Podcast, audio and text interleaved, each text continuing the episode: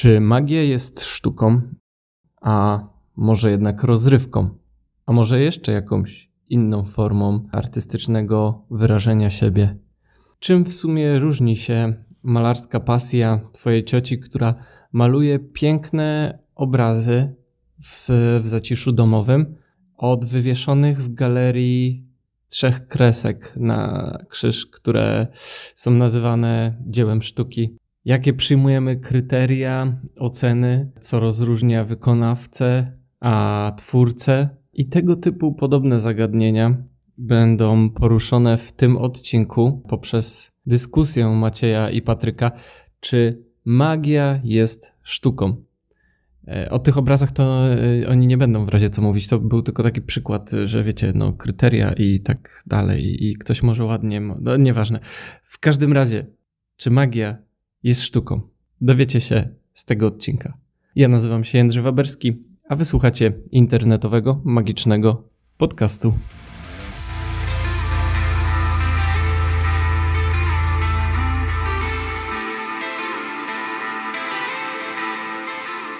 Dzień dobry! Witamy Was w kolejnym odcinku internetowego magicznego podcastu. Dzień dobry Państwu, witam bardzo serdecznie z tej strony ja, Król Maciej oraz Król Patryk. Jak to już drzewiej bywało. Dzisiaj chcielibyśmy z Wami porozmawiać o temacie, który, jak zaczęliśmy się przygotowywać do niego, to zaczęliśmy się też zastanawiać, czemu nie rozmawialiśmy już o nim wcześniej. Szczerze mówiąc, to musieliśmy spojrzeć do naszego archiwum i ze zgrozą skontestowaliśmy, że rzeczywiście nie poruszaliśmy tego tematu, mimo że tak naprawdę powinien to być jeden z pierwszych naszych odcinków. Tak, wydaje się on na tyle oczywisty, że sami założyliśmy, że przecież musieliśmy już o tym mówić. No tak, ale złapaliśmy się na to, na co nasi widzowie często się łapią. Nie zauważyliśmy rzeczy oczywistej i zaskoczyła nas ona, wzięła nas z nienacka. Dokładnie tak. Więc jeśli patrzyłeś na tytuł y, tego odcinka, to dobrze wiesz, że porozmawiamy sobie o tym, czy magia jest sztuką. Czy magia jest sztuką? To będzie bardzo krótki odcinek. Magia jest sztuką. Dziękuję Państwu za życzliwą uwagę i do usłyszenia za tydzień. Gdyby to tylko było takie proste. E, tak, jest to na tyle nieproste, że w Ameryce była wielka akcja tego, żeby uznać magię jako sztukę. I jest to kwestia bardzo, bardzo dyskusyjna, i mamy nadzieję wykazać Wam, skąd bierze się to niezrozumienie i dlaczego mimo niezrozumienia odpowiedź jest relatywnie prosta i brzmi tak, jak przed chwilą powiedziałem. Tak, ale żeby troszkę doprecyzować, to co właśnie wspomniałeś, Macieju, że w Stanach chcieli uznać ją za sztukę, chodziło tu tylko i wyłącznie o uznanie jej za sztukę ze względów ich prawa autorskiego, czyli copyright. I tam przedstawiona była petycja do kongresu, tak by zmieniono ustawodawstwo w ten sposób, by wśród wymienionych sztuk była również magia. Ale zanim przejdziemy do tego. Zacznijmy od początku. Tak. Tak chyba najlepiej, prawda? No, myślę, że tak. A na początku była definicja. Pamiętajcie, zawsze na początku była definicja. E, to jest taka mała rada z tego podcastu. Jeżeli z kimkolwiek rozmawiacie i nie umiecie dojść do porozumienia, to wyprowadźcie wspólną definicję tego, o czym rozmawiacie, bo bardzo prawdopodobne jest, że rozmawiacie o dwóch, trzech, a czasami pięciu różnych rzeczach. To samo dotyczy również prywatnych rozkmin. Jeżeli zastanawiacie się nad jakimś tematem, spróbujcie sobie go zdefiniować. To ułatwia naprawdę, naprawdę, naprawdę wiele. Tak, a kiedy rozmawiacie ze swoim rozmówcą o dwóch, trzech, czterech różnych rzeczach, to po wielogodzinnej dyspucie możecie to zauważyć dopiero tą oczywistą rzecz. Tak jak i my w tym odcinku. Mm, tak, więc zaczynamy od definicji i małe, uprzedzę was troszeczkę, mały disclaimer, to nie będzie jedna definicja. Oj nie. Przygotujcie się na bombardowanie definicjami. I jak to zazwyczaj bywa w dziedzinie internetowej, posiłkujemy się tutaj w większości definicjami pochodzącymi z, jak wiadomo, niezawodnej Wikipedii. E, tak, moglibyśmy się posiłkować definicjami z naszych rozlicznych słowników i encyklopedii, które zalegają nam na półce. Jednak. Staramy się udawać, że nie jesteśmy boomerami. Dokładnie tak. A poza tym nie chce nam się. Też. Więc sięgając do polskiej Wikipedii, o! znajdziemy tam krótką definicję sztuki. Czy, czym jest sztuka w takim razie, Patryku? Sztuka to część dorobku kulturowego cywilizacji, manifestująca się poprzez utwory, w tym dzieła artystyczne. Definicja dosyć taka ogólna, mało konkretyzująca. Nie wiem, co jeszcze dodać. E, No definicja jak definicja. E, ba- Bardzo, bardzo obszerna i nie ma tutaj zapisanego w tej definicji ani malarstwa, ale w malarstwie dzieło artystyczne widzimy. Nie ma tu zapisanej rzeźby, ale rzeźbę również widzimy, jesteśmy w stanie dotknąć. Tak, Czyli nie ma tam tańca, ani muzyki, Tak, ale nie dotykajcie rzeźb w muzeum. Można ją dotknąć, ale nie powinniście tego robić. chyba że już ją kupiliście, To wtedy sobie dotykajcie ile chcecie. bo jest wasza. Ale jeżeli kupiliście sobie rzeźbę Dawida, o której pewnie wspomnimy nieraz, bo jest taką bardzo charakterystyczną rzeźbą, o której wszyscy wiemy, to weźcie, wpłaćcie nam jakąś darowiznę. Tak z milion dolarów. Aż tyle? No jak kupiłeś sobie rzeźbę Dawida, no to w takim razie staćcie. No dobrze, przyjmiemy taką darowiznę. Niech będzie. Przyjmiemy i nawet wspomnimy twoje imię w podcaście. Tak jest. Taki jest plan. Tak się umówmy. Więc, jeszcze raz, sztuka jest... Ha, gdyby to było takie proste, to nie jest jedyna definicja sztuki, którą mamy. Tego się spodziewałem. Tak, mamy jeszcze... Podrążmy głębiej. Oczywiście. Wikipedia Wikipedii nierówna, jak dobrze wiecie. I zasięgnęliśmy też języka u Wikipedii angielskojęzycznej. E, Co ciekawe, e, Wikipedia Polska jest takim ułomnym, młodszym bratem Wikipedii angielskiej E, i jeżeli chcecie coś przeczytać na Wikipedii i język angielski nie jest dla was terra incognita, to warto jest czytać definicję po angielsku, bo po, polska Wikipedia pozostawia bardzo wiele do życzenia w wielu kwestiach. Tak, i ich definicja jest też troszkę bardziej rozwinięta. I dla tych z Was, którzy nie mówią po angielsku, pozwoliłem ją sobie przetłumaczyć na szybko Och jej! i teraz ją przytoczę. Więc tak, sztuka według angielskiej Wikipedii to ekspresja lub zastosowanie ludzkich zdolności kreatywnych i wyobraźni, zazwyczaj w formie wizualnej, tworzące dzieła doceniane głównie za ich piękno i wydźwięk emocjonalny. Trochę już konkretniej tutaj mam wrażenie. Mm, tak, tworzy nam się dużo bardziej materialny obraz tego, co widzimy, tak? Bo ma, mamy, pię- mamy piękno w ogóle. Tak, mamy piękno, mamy wydźwięk emocjonalny, choć moją uwagę zwraca też te podkreślenie aspektów wizualnych.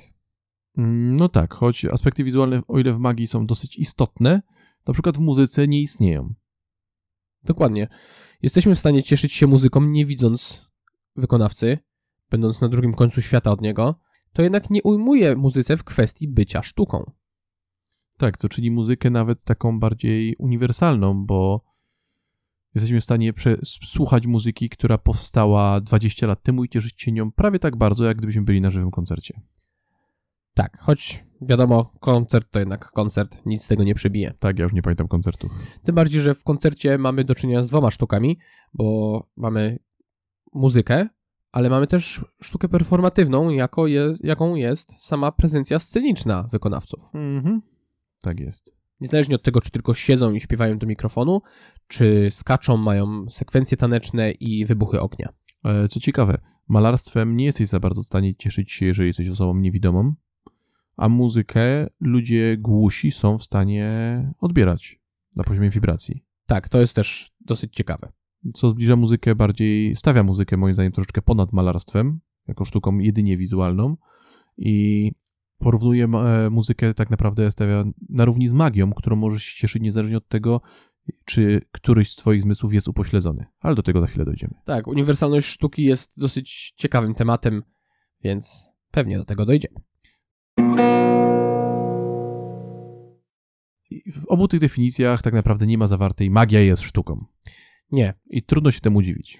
w żadnej z tych definicji nie mamy podkreślenia, o patrz, patrz, to, to, właśnie to jest sztuką.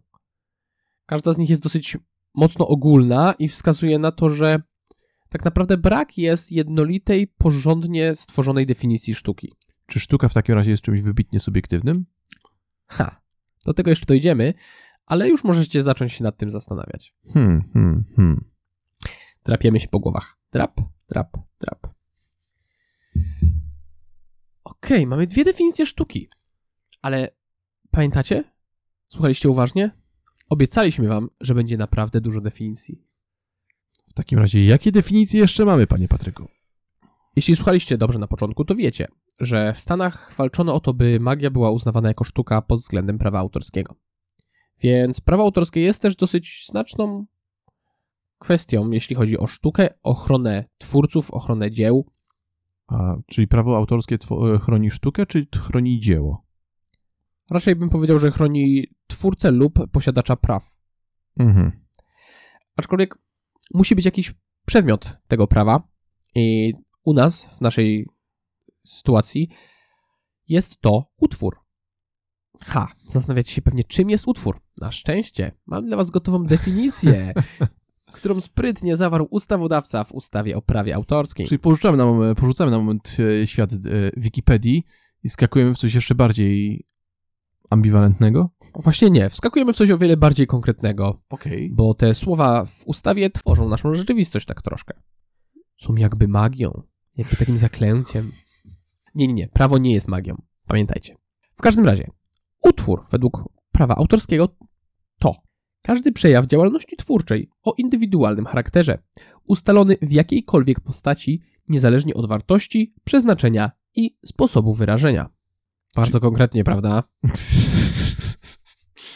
Nawet nie wiem od czego zacząć. E, Zasadniczo, według tej definicji, wszystko może być dziełem. Tak. O ile jest wyrażone w jakiejkolwiek postaci, ma indywidualny charakter i jest przejawem działalności twórczej. Wtedy wszystko może być dziełem czy utworem. Czyli jeżeli wezmę drogocenny kruszec, jakim jest w dzisiejszych czasach papier toaletowy, potargam go na kawałeczki i skleję indywidualnie w rolkę, to to już będzie dzieło sztuki. Jeśli ta rolka będzie wyrażała jakoś Twoją osobowość, będzie wynikała bezpośrednio z tego, kim jesteś, co przeszedłeś w życiu i nie będzie taką typową rolką, jakich pełno jest w pochowanych po domach ludzi, bo już nie w sklepach, to tak.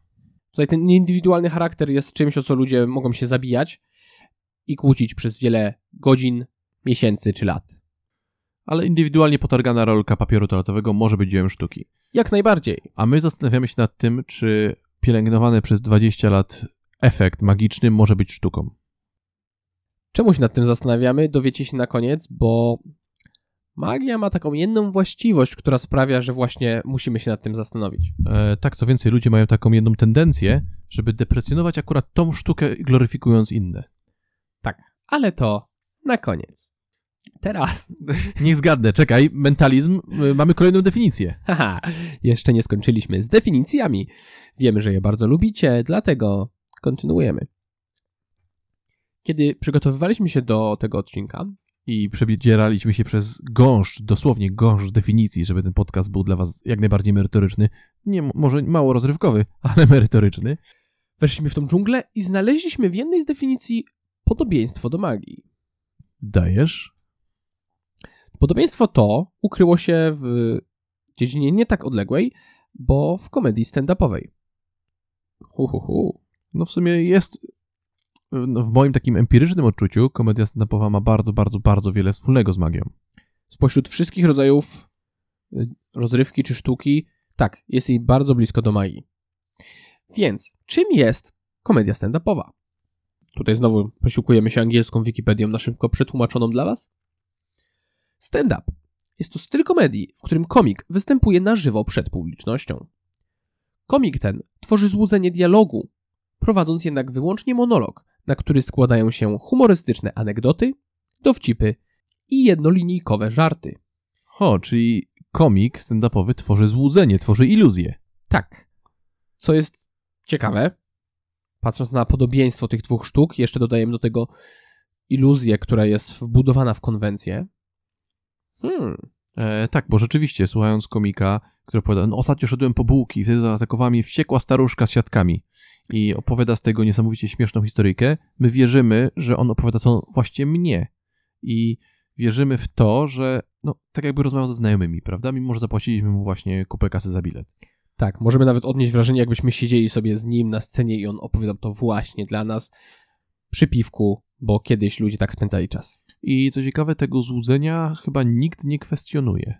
Nie spotkałem się e, z ludźmi, którzy debunkują, czy też e, obnażają sekrety, brudne sekrety stand-uperów i mówią, on wcale nie jest twoim kolegą, płacisz mu za to, żeby dla ciebie występował. Wydaje mi się, że takie coś by nie przeszło. tak samo zresztą jest, y, jeśli chodzi o malarstwo.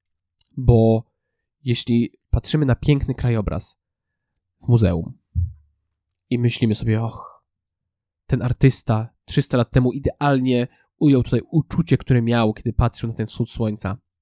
A obok nas pojawia się ktoś i szepcze nam do ucha. Nieprawda.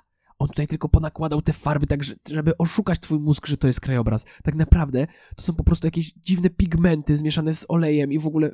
Fuj, to jest chemicznie jakieś takie obrzydliwe. I to w ogóle jest 2D. I tak, to jest, to jest płaskie. Jak możesz tam widzieć przestrzeń, jak możesz tam widzieć wschód słońca, jak to jest tylko kawałek deski i jakiś dziwny olej na niej. To jest żółta plama, a nie słońce. Dokładnie tak. No nie, tak się nie dzieje.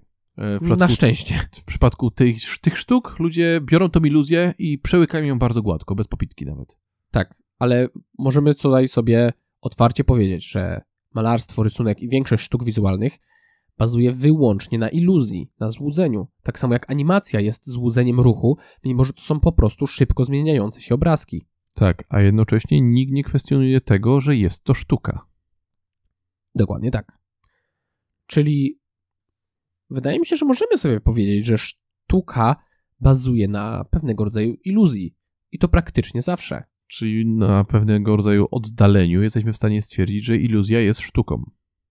Albo wręcz, że to sztuka jest iluzją. Albo że iluzja tworzy sztukę.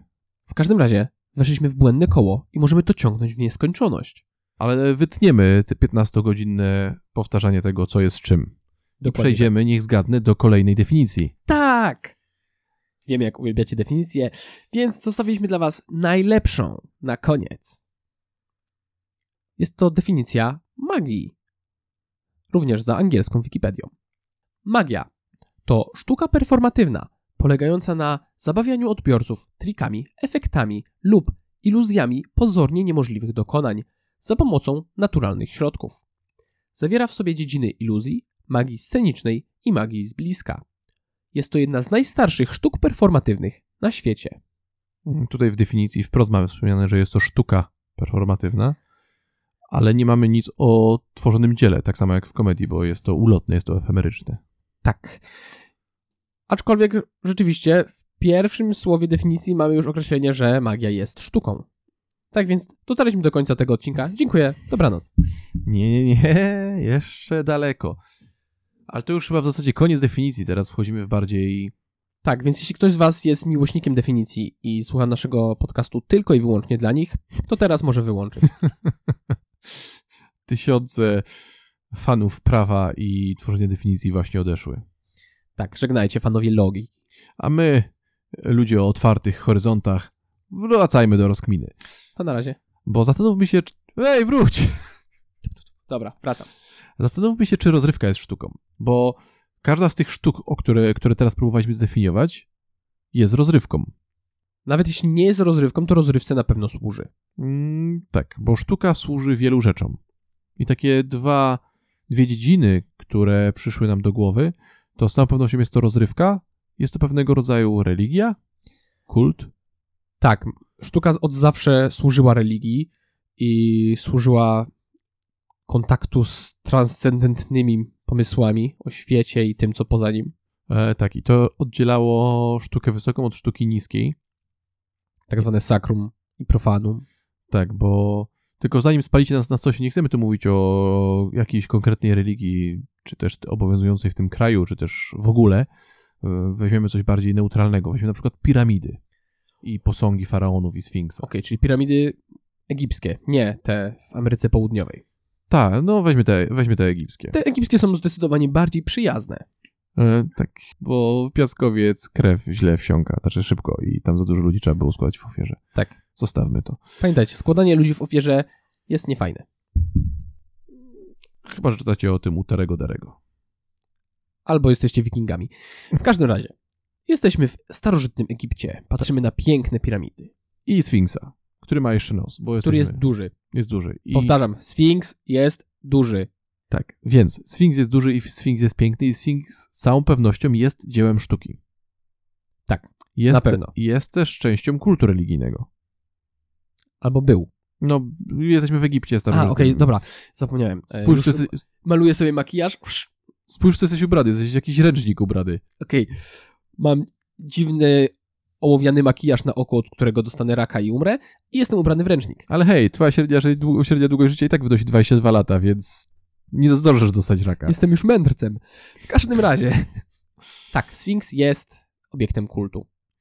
I sztuka jest tu zaprzęgnięta w ciągnięcie tego kultu i pokazywanie ludziom tremendum. Nie wprowadziliśmy tego pojęcia. Ale może lepiej zostawmy to naszym słuchaczom. Tak. Sprawdźcie sobie, czym jest tremendum. Tak. No i patrzymy na tego Sfinksa i czujemy bojaźń, czujemy uniesienie, zastanawiamy się, jak to jest możliwe. Znaczy, nie wiemy o tym, że 2-4 tysiące lat później ludzie dalej będą się zastanawiali, jakim cudem oni zrobili takiego Sfinksa. Tak. I zdecydowanie wzmaga to w nas uczucia religijne. I tutaj sztuka służy religii. Z drugiej strony, przenieśmy się powiedzmy 1200 lat do przodu. Trafmy. Teraz jesteśmy ubrani w jakiś kuf, kubrak z e, takiej grubo przędzonej wełny i jesteśmy na jarmarku średniowie, wczesnośredniowiecznym i patrzymy na teatrzyk uliczny, Yeah. Gdzie sztuka ludyczna, sztuka niska, jak ją zwykło się nazywać, służy tylko i wyłącznie rozrywce. Możemy się pośmiać z władców, możemy się pośmiać z e, hierarchów, I z tego, że ktoś dostał kijem w głowę albo pośliznął się na Tak. obierce z ziemniaka. Jesteśmy prawdopodobnie przy narodzinach slapsticku. Wydaje mi się, że slapstick jest tak stary jak człowiek. No, ale nie idźmy w definicję slapsticku. Tak jest. Więc obserwujemy tutaj sztukę niską, która jest zasadniczo tym samym, bo jeżeli byśmy wrócili na moment do Egiptu i spojrzeli na. Jeżeli byśmy wrócili na moment do Egiptu i spojrzeli na obrzędy, które były. No, było nie było sztuką performatywną, bo by występowały dziwne stroje, fantastyczne maski, dziwne, niezrozumiałe dla większości ludzi rytuały, Może nawet pewnego rodzaju iluzje. występowały z całą pewnością. Mm, Zresztą starczy sięgnąć do Starego Testamentu, jak kapłani egipscy bili się z Mojżeszem na sztuczki i Mojżesz nie robił tego dlatego, że tak było w jego kulturze, bo był pewnego rodzaju ewenementem, tylko dlatego, że u Egipcjan zmiana kija w węża była normalnym zabiegiem religijnym. Hej, ludzie, patrzcie, jestem potężnym kapłanem, bum, ten kij stał się wężem.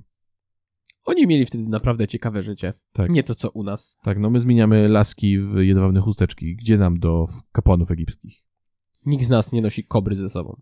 E, tak, ale mamy, do, do, mamy dokładnie to samo służące dwóm różnym celom i możemy z całą pewnością uznać, chyba że się ze mną nie zgadzacie, to możecie napisać w komentarzach, że sztuka służy w zasadzie dwóm głównym celom. Celom religijnym i celom rozrywkowym. Wydaje mi się, że moglibyśmy nawet troszkę te cele religijne rozciągnąć na cele duchowe. Mm, Ładniej brzmi. Tak, bo dla niektórych to nie wiąże się z jakąś konkretną religią, a po prostu z taką potrzebą kontaktu z transcendencją. Nie, nie będziemy czytać definicji transcendencji. Nie, na dzisiaj definicji już starczy. E, I teraz tak. Czy y, przywykliśmy myśleć o kulturze jako czymś, co służy tylko i wyłącznie rozrywce? Bo jeżeli spojrzymy na. Wracając do Egiptu, załóż znowu ten ręcznik. E, Wracając do Egiptu, do, na przebiegi kultów religijnych, e, jakichś obrzędów, no to nie myślimy o tym jako o sztuce, myślimy o tym jako o czymś zupełnie innym. No, oddają cześć swojemu bóstwu, czy też swoim bóstwom i tyle. Ale jest to przejaw e, sztuki. Ktoś to musiał zaprojektować, ktoś musiał stworzyć choreografię, ktoś musiał wyprodukować stroje i to wszystko z całą pewnością daje wrażenia estetyczne. Na pewno. I wydaje mi się, że tutaj oni włożyli w to dużo więcej myślenia niż współcześnie wielu artystów wkłada w swoją sztukę. Mm, tak, oczywiście daleki jestem od twierdzenia, że nie wiem, święto poświęcone Horusowi i obrzędy związane z tym świętem były tym samym, co świat według kiepskich, Ale na pewnym Ale na poziomie. ale na pewnym poziomie i to i to jest sztuką tą samą, tylko zaprzęgniętą dla różnych celów. Tak jest. Bo później pojawiło się jeszcze, że sztuka zaczęła służyć też polityce, Każdy z nas kojarzy słowo propaganda. Tak. I to jest trzeci punkt, w którym trzeci taki wielki mecenas sztuki. Mamy religię, mamy rozrywkę i mamy politykę. Dobrze, ale jak wiąże się to z magią? Bo jeżeli uznamy, że częścią każdej dziedziny sztuki jest i pewnego rodzaju iluzja, no to iluzja jest we, we wszystkim. Tak, czyli możemy wrócić do tego, że tego błędnego koła, że magia jest sztuką, sztuka jest magią i kręcimy się w kółko. Tak, a jednak mimo tego, mimo tego całego mm, zakręconego rozumowania, które wam próbujemy przedstawić, ludzie dalej mają wątpliwość na temat tego, czy magia per se jest sztuką. Tak, bo wydaje mi się, że dzisiaj istnieje pewne rozdzielenie tego, bardziej w postrzeganiu niż w definicji, rozdzielenie sztuki i rozrywki. Że są ludzie, którzy uważają, że niektóre elementy, które możemy przyznać należą do sztuki tak zwanej niskiej, są tylko i wyłącznie rozrywkowe i mają służyć jedynie eskapizmowi, a nie introspekcji, zastanowieniu się nad istotą bycia człowiekiem i tego, jakie jest nasze miejsce we wszechświecie. No i pogoni za transcendencją ogólnie. Dokładnie tak.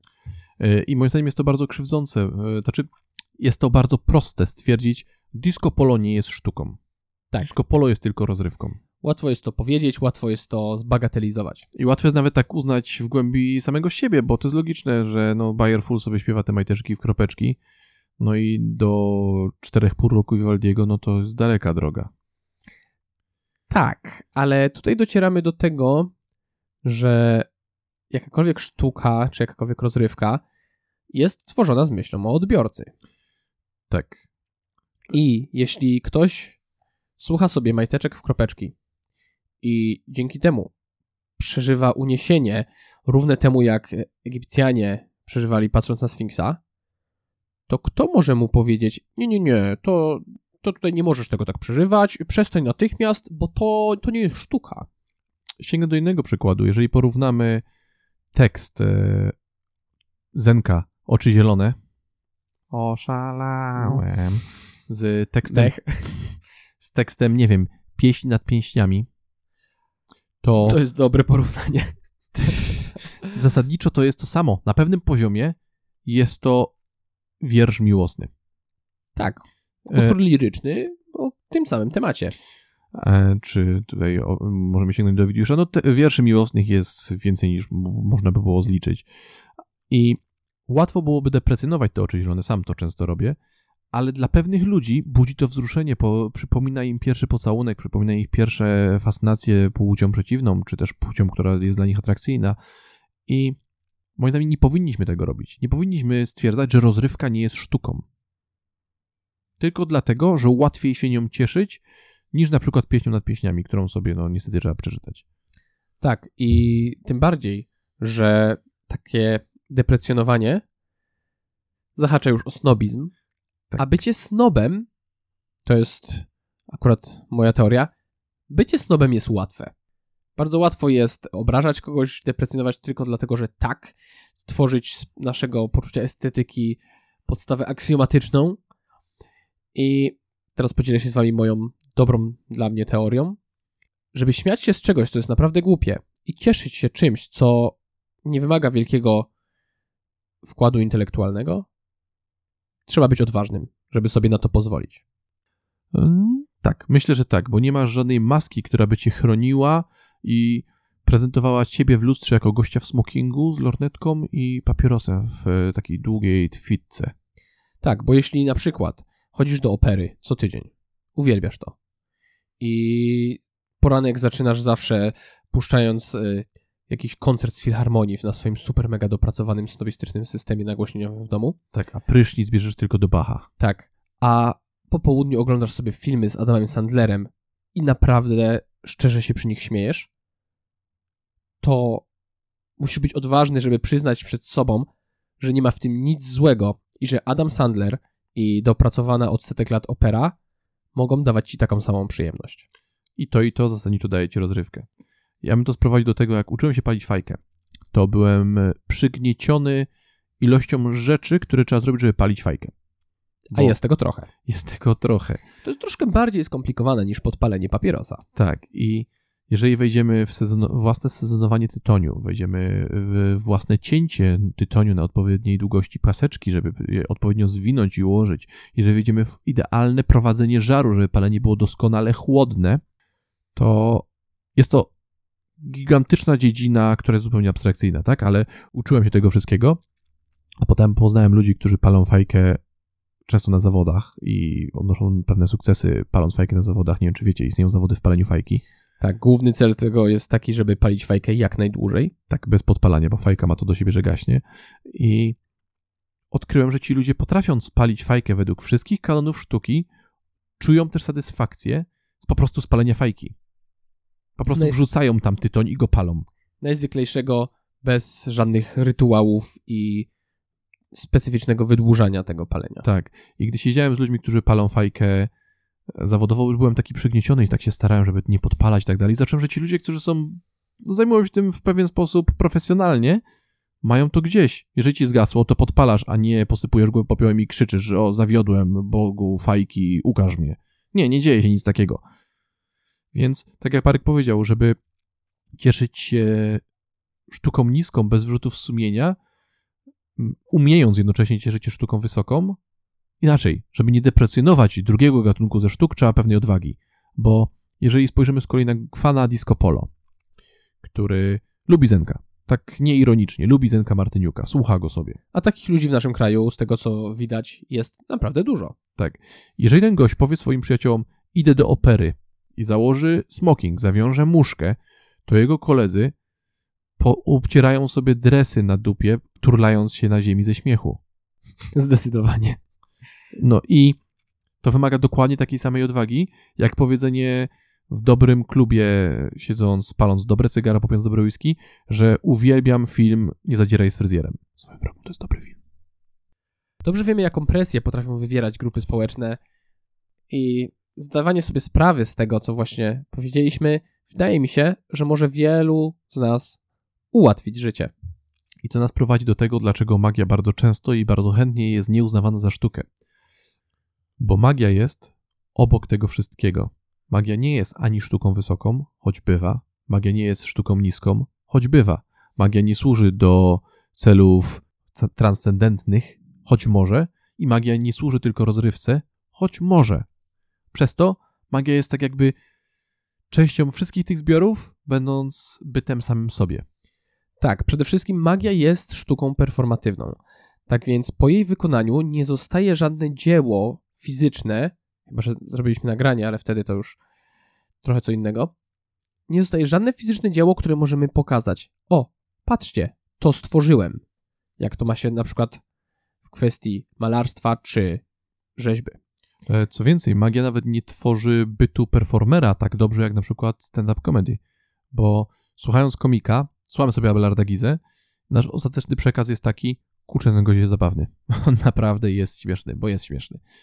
A oglądając magika, my tak naprawdę nie wiemy, czy robi to on, czy magia istnieje, on po prostu nam pokazuje pewne fenomeny, czy po prostu nas okłamuje, a my sami sobie to robimy. Nie wiemy, jak to odbierać.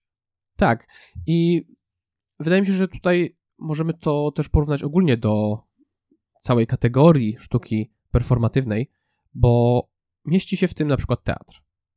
To zdecydowanie możemy powiedzieć, Z całą pewnością. aktorzy występujący przed nami na żywo na scenie to sztuka performatywna. Ale jeśli spojrzymy na sztukę nowoczesną w tej dziedzinie, gdzie na przykład mamy takie dzieła jak kobieta rozbierająca się do naga i pozwalająca robić ze sobą wszystko ludziom, którzy akurat przyszli do muzeum. Co jest przerywane, bo boi się, że zaraz ją w końcu zabiją. Tak. Znaczy sama położyła tam pistolet, więc A pamiętajcie zasadę w jakiejkolwiek sztuce. Jeśli pistolet wisi na ścianie, to musi w końcu wystrzelić. i wystrzeli. Tak. I patrząc na taką rozbieżność w tym, łatwo jest się pogubić. Bo tak naprawdę ciężko jest dokładnie zdefiniować, co jest tutaj performancem, a co jest tak naprawdę naszym normalnym, codziennym życiem.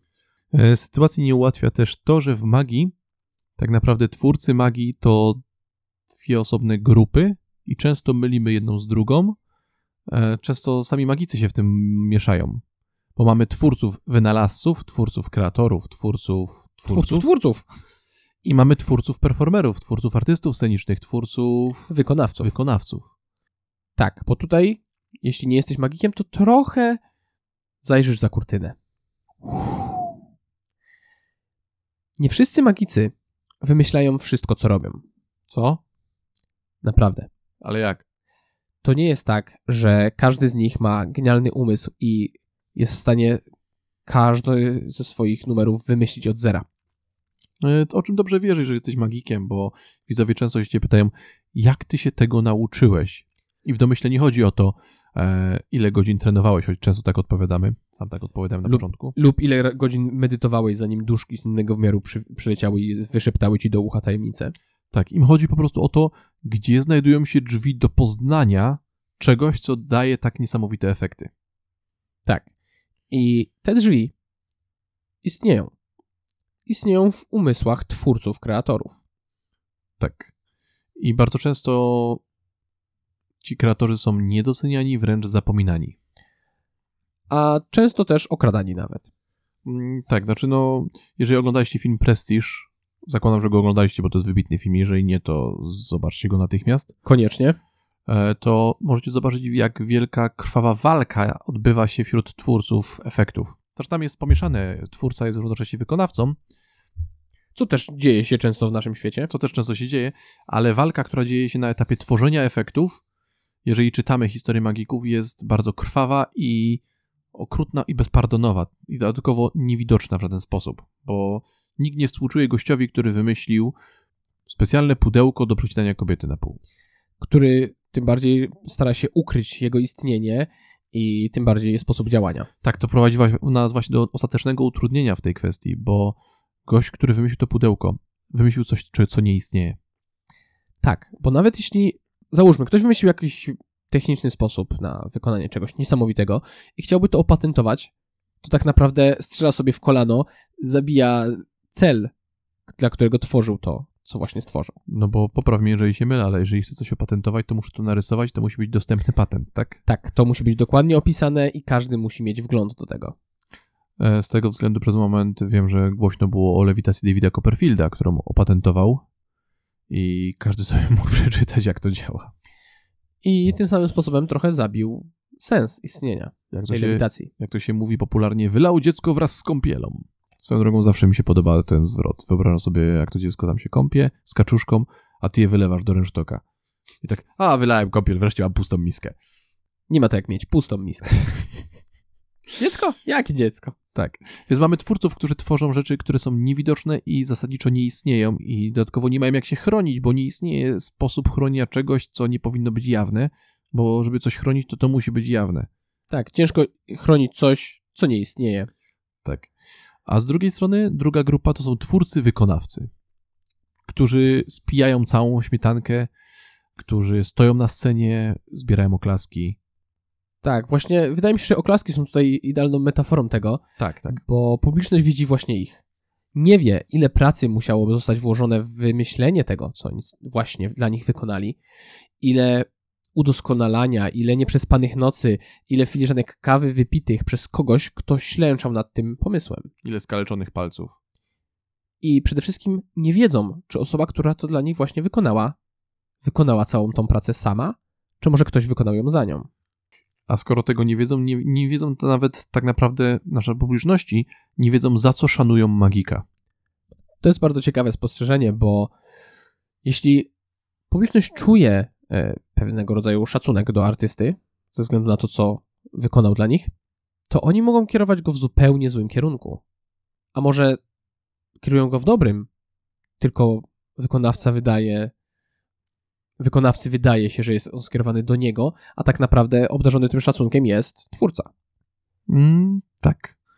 I jest to zdecydowanie, zdecydowanie trudny temat. I on sprawia, że obserwując magika, łatwo jest nam stwierdzić na wielu poziomach, to są sztuczki, to nie jest sztuka. To nie jest teatr. To jest taki młodszy, bardziej upośledzony brat teatru. Mimo, że tak nie jest, bo ma- magia jest medium tak jak każde inne. Magia, jak wspomnieliśmy, służyła do wyrażania potrzeb transcendentnych, jak w Egipcie zmiana laski węża, e, służyła polityce, służyła reklamie, służyła ty typowo rozrywce. Oczywiście, niektórzy mogą kojarzyć, że magia właśnie to jest rozrywka jarmarczna, ale jeśli pomyślimy o Johanie Nepomuku Hofzinserze czy Jean-Robercie Houdin, to byli to magicy, którzy wnieśli magię na salony. Czy to w Austrii, czy to we Francji. Oni wykonywali ją właśnie dla tak zwanych klas wyższych i właśnie mie- i mieszali magię z sztuką wysoką. Tak, no zredefiniowali to tak naprawdę. E, bo pan Hofzinser, o którym e, wspomniałeś, zrobił to samo dla magii, co dla literatury kryminalnej zrobił Raymond Chandler. Czy też Raymond Chandler. Cóż takiego to było? E, Bo nie wiem, czy wiesz, ale kryminał był powieścią groszową. To były niskie opowiastki, które byśmy dzisiaj porównali do erotycznych fanfików w internecie, czy też past. Kupowało się to bardzo tanio. W starych filmach jeszcze możemy zwrócić uwagę na chłopców, którzy czytają takie. Potem zmieniło się to w komiksy, takie malutkie książeczki o przygodach jakichś dzikich kowbojów, silverhandów i innych, nie tych silverhandów cyberpunka, takich poprzednich silverhandów, o kowbojach, którzy walczyli z Indynami. To były takie tanie, bardzo niskich lotów opowiastki, które po prostu emanowały przemocą, oczywiście wobec przyjętego kanonu odrobina przemocy już była czymś super wtedy, e, e, epatowały erotyką taką, którą też wówczas społeczeństwo mocno purytańskie mogło przyjąć. I ludzie to kupowali, to był taki guilty pleasure. Ale nie musimy nawet sięgać do starych filmów, żeby to zauważyć, bo jeśli ktoś z Was jest fanem Quentina Tarantino, to w jednym z jego nowszych filmów, pewnego razu w Hollywood, też pojawia się właśnie taka powieść groszowa o kowbojach w rękach małej dziewczynki będącej aktorką, grającej w filmie razem z Leonardem DiCaprio. A było, było, potwierdzam. Tak było, nie kłamię. E, więc potem pojawił się Raymond Chandler i stworzył bohatera, który był bokserem i filozofem. E, stworzył głębokiego bohatera o bogatym tle psychologicznym. E, stawiał go przed dylematami godnymi greckiej tragedii. Jego powieści urosły obfitością stron i ludzie docenili to jako literaturę. I dzisiaj literatura kryminału jest równie interesującą i wartościową dziedziną literatury jak na przykład powieść obyczajowa. Zdecydowanie tak. Dzisiaj nikt już nie powie, a, kryminał. Raczej dzisiaj ludzie powiedzą, o, kryminał. To samo spotkało literaturę fantazy dzięki Tolkienowi. Prawdopodobnie literatura erotyczna też czeka na swojego zbawcę, kogoś, kto redefiniuje tą literaturę i przestanie ona być traktowana jak 50 twarzy Greya. Właśnie chciałem powiedzieć, że ta powieść zdecydowanie nie była tym zbawcą. Mm, No nie była, 365 dni bynajmniej. Tak. A wracając do magii. Magia jest poza wszystkim, będąc wewnątrz wszystkiego i przez to nie wiemy, jak ją traktować. Tak, jak już to wcześniej wspomniałeś, magia jest bardzo efemeryczna. I wydaje mi się, że to słowo idealnie opisuje istotę całego problemu. Tak, skoro nawet obserwując pokaz magiczny bijesz brawo, bo doceniasz efekt, który widziałeś i na dobrą sprawę ty nie wiesz i nie mógłbyś z ręką na sercu przysiąc, czy oklaskujesz performera, czy oklaskujesz twórcę tego wynalazku, czy oklaskujesz gościa, który napisał scenariusz, mimo że bardzo często jest to jedna i ta sama osoba, to to rozdarcie powoduje pewnego rodzaju potrzebę deprecjacji tego, co widzisz. Co jest też ciekawe, bo na przykład, jeśli chodzi o muzykę popularną, tak zwaną pop, mamy coś bardzo podobnego, bo bardzo często wykonawca nie napisał tekstu tej piosenki. Bardzo często wykonawca nie ułożył muzyki, ani nawet sam nie wymyślił, jak zinterpretować słowa do linii melodycznej, tylko miał jakiegoś trenera, który dokładnie pokazał mu, jak to zrobić, bo w końcu wykonawca bardzo często jest tylko produktem, że tak ujmę to troszkę, tak troszkę materialnie. I mimo, że to nie on to stworzył, to i tak cały splendor, wszystkie zasługi są przypisywane właśnie jemu. E, tak, co ciekawe, że wspomniałeś akurat o muzyce, bo miałem przykład, e, jak poradzono sobie z tym na przykład w kwestii muzyki klasycznej. Uuu, ciekawe. Bo, bo słuchając koncertu Vivaldiego, ty wiesz, że ty nie słuchasz Vivaldiego, bo tam jest 50 osób, które to gra. I łatwo byłoby deprecjonować tę orkiestrę. A jednak tak się nie dzieje, bo oni spersonifikowali wszystko w postaci dyrygenta. Stoi tam dyrygent, który zinterpretował ten utwór, przeprowadził casting, osobiście nadzorował tego, jak każda sekcja, jak każdy instrumentalista gra, wybrał solistów i to dyrygent jest osobą, która odpowiada za całość dzieła. Więc dyrygent stał się twarzą tego. A mimo wszystko, koncert i tak nazywany jest koncertem Vivaldiego. Tak. Ale brawa idą do dyrygenta, gościa, który stoi z tym debilną batutą i macha tą pałeczką. I dla większości ludzi to, co wykonuje, jest absolutnie niezrozumiałe. Tak, ale po obecność dyrygenta sprawiła, że odbieramy to zupełnie inaczej. Nie mamy tego rozdwojenia jaźni. Nie, wiemy, co oklaskujemy, wiemy, kogo oklaskujemy, mimo że cieszymy się czymś innym. To jest bardzo ciekawe porównanie, moim zdaniem. Tak, więc co trzeba zrobić, żeby ludzie zaczęli traktować magię jak sztukę? Dodać dyrygenta? Dodać dyrygenta? No, myślę, że z całą pewnością odpowiedzią nie jest e, puszczenie im tego podcastu, bo on jest trochę zamotany i pełen, pełen pożywki dla rozmyślań. Ale też pełen definicji, które tak bardzo lubicie. Oh yeah! Musimy teraz sobie zadać najważniejsze pytanie. To, które widzicie w temacie odcinka. Czy magia w końcu jest sztuką? Myślę, że magia z całą pewnością jest sztuką. E, do nas należy sposób, w jaki pokażemy publiczności, jak się tym cieszyć. My musimy zredefiniować to, co robimy w ich oczach i pokazać im, bo tłumaczenia tutaj na niewiele się zdadzą, bo zazwyczaj nie mamy czasu na tłumaczenia, a jeżeli musisz czegoś tłumaczyć, to nie do końca jest jak jest, jest jak mówisz. Do nas należy sprawienie tego, żeby ludzie traktowali ją jak sztukę.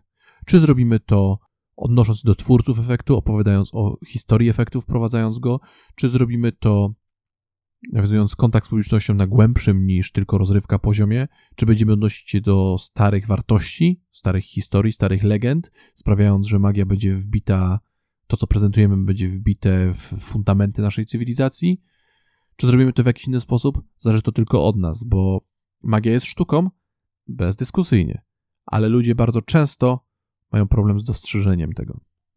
Zgadzam się z tym, choć ja bym ujął to tak. Magia jest sztuką, a sztuka broni się sama. Więc to już od twórcy i wykonawcy zależy, czy włoży on tyle pracy i tyle swojego serca w to, żeby inni mogli to dostrzec. Ja chciałbym zakończyć jeszcze łacińską sentencją, którą wszyscy znamy z tego loga studia filmowego z lwem, tego co tam ryczy. Golden Mayer, czy jakoś tak? Jakoś tak. E, oni mają napisane Ars Gratia Artis. I szczególnie w tym takim covidowym okresie dla nas wszystkich to jest dobre motto, bo tłumaczy się to jako sztuka nagrodą dla artysty. I samo tworzenie sztuki jest naszą nagrodą. Nie potrzebujemy uznania ani oklasków, bo korzyści z tworzenia sztuki są tak rozliczne, że gdybyśmy zaczęli o nim teraz mówić, to odcinek trwałby 5 godzin. A my wiemy, że w dzisiejszym świecie nie macie tyle czasu, więc w ten sposób zakończymy ten odcinek. Pamiętajcie, magia to zdecydowanie sztuka. A ars gratia artis.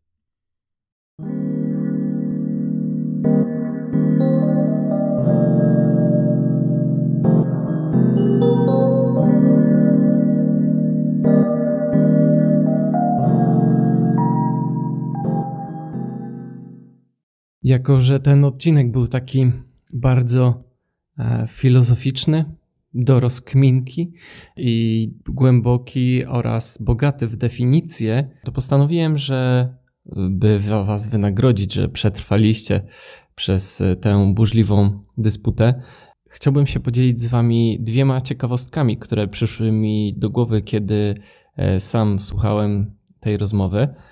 I nie wiem, czy jeszcze pamiętacie, ale mam nadzieję, że tak, bo to w sumie było kilkanaście minut temu, kiedy Maciej z Patrykiem omawiali funkcję e, magii taką transcendencyjną, czy też związaną z, z religią, z wierzeniami, gdzie na przykład e, szamani, tudzież magowie zamieniali na przykład kije w węże, e, to w ramach ciekawostki istnieje taka książka jak Here is Real Magic i jest to książka amerykańskiego iluzjonisty Nate'a Staniforfa, który będąc zawodowym iluzjonistą, E, występował bardzo często. Generalnie jego grafik wyglądał tak, że występował 7 dni w tygodniu, nawet e, po dwa show dziennie. E, no i w dość młodym wieku wypalił się zawodowo i potem, by wskrzesić jakby na nowo w sobie tę nutę magii, wyruszył w podróż do Indii, żeby odszukać tych prawdziwych magów, tych, którzy właśnie zamieniają kije w węże, zaklinają te węże, potrafią też działać inne cuda, jak na przykład pluć ogniem, czy też ziać może powinienem powiedzieć. E, jeśli mamy tutaj jakiegoś eksperta od smoków, to dajcie znać.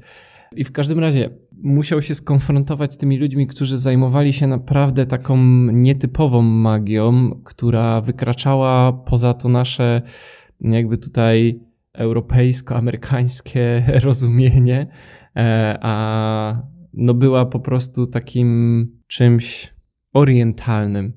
E, I to tak e, odnośnie tego zamieniania kij w węże, to przy, przypomniało mi się o tej książce którą wam mogę polecić, bo ona jakby poprzez tę jego podróż do Indii, e, on odkrywa, że no to jest fantastyczne, ale że czasami wystarczy nam naprawdę niewiele w życiu do, do dostrzeżenia takiej magii dnia codziennego i do zachwytu. Ale ja chciałbym tylko powiedzieć tutaj, że generalnie te praktyki są nadal kontynuowane, nawet teraz w XXI wieku, że istnieją tacy ludzie, którzy robią te niezwykłe rzeczy. A druga rzecz, którą chciałem się z Wami podzielić, to zostało tutaj napomknięte, że David Copperfield, żeby chronić prawem patentowym e, swojego pomysłu dotyczącego e, lewitacji, musiał upublicznić jakby te dokumenty, które zdradzają, jak on to robi. I ciekawy przypadek z historii, e, która no, to już będzie prawie 100 lat, Harry Houdini, nie wiem, czy wam coś mówi to nazwisko, ale zakładam, że tak. Słynny iluzjonista i e, uciekinier, może nie uciekinier, ucieczkowiec, Człowiek od ucieczek, który wyswobadzał się z różnych e, węzłów i kajdanek, chciał, to znaczy Houdini w ogóle ma e, patenty na kilka różnych ciekawych wynalazków, między innymi e, z tego co czytałem na jakieś zabawki własnej konstrukcji oraz na jakiś specjalny kombinezon do nurkowania, ale nie chciał zdradzać tajników e, działania e, swoich magicznych rzeczy. I kojarzycie, może jest taki w, w, w Prestiżu chyba też w filmie była prezentowana wersja tego, iluzja z zanurzeniem do zbiornika z wodą. Tam była troszeczkę inna wersja, ale Houdini zanurzany był w zbiorniku z wodą e, głową w dół. No i był zakuty, jego kostki były zakute w, w takie kajdany i on się z tego wyswobadzał. E, I to się chyba nazywało chińska tortura wodna. Houdini nie chciał zdradzić e, tego sekretu, jak on działa, a mimo to chciał, żeby jakoś prawo go chroniło. I Houdini był cwany, bo e, jak można czytać w przekazach, e, wymyślił sobie, że wystawił sztukę, której jedynym elementem była ucieczka właśnie z, z tej machiny, z tej chińskiej tortury wodnej i zagrał tę sztukę dla jednej osoby no i jako, że zagrał tę sztukę dla jednej osoby, mógł ją zgłosić, e, żeby do, jakby do objęcia prawem autorskim. Dzięki czemu e, pozbył się wszelkich potencjalnych plagiatorów e, i nikt nie mógł mu tego jakby podkraść legalnie rzecz biorąc. To znaczy, ja tutaj się nie znam i jeśli chcecie znać szczegóły prawne, to najlepiej skonsultować się e, z naszą osobą o największej i najbardziej rozległej wiedzy prawniczej, czyli z Patrykiem, ale myślę, że ta namiastka wiedzy Wam w tym przypadku wystarczy zupełnie. Tymczasem dziękuję Wam serdecznie za odsłuchanie tego odcinka. Jeśli Wam się podobał, to śmiało przesyłajcie go dalej Waszym rodzinom, znajomym. Chciałem powiedzieć zwierzątkom, ale nie wiem, to nie ma sensu, zwierzęta chyba nie słuchają podcastów. W każdym razie dzielcie się z kim chcecie, e, ale jeśli podacie słowo dalej w świat, będziemy Wam bardzo wdzięczni. E, przypominam, że skontaktować się z nami możecie e, wyszukując w wyszukiwarce Google Teatr Złudzeń i pisząc na nasze social media, bądź nagrywając nam wiadomość głosową w opisie na końcu tego podcastu. Słyszymy się już za tydzień. Żegnam się z Wami, kłaniam się nisko. Do usłyszenia. Cześć.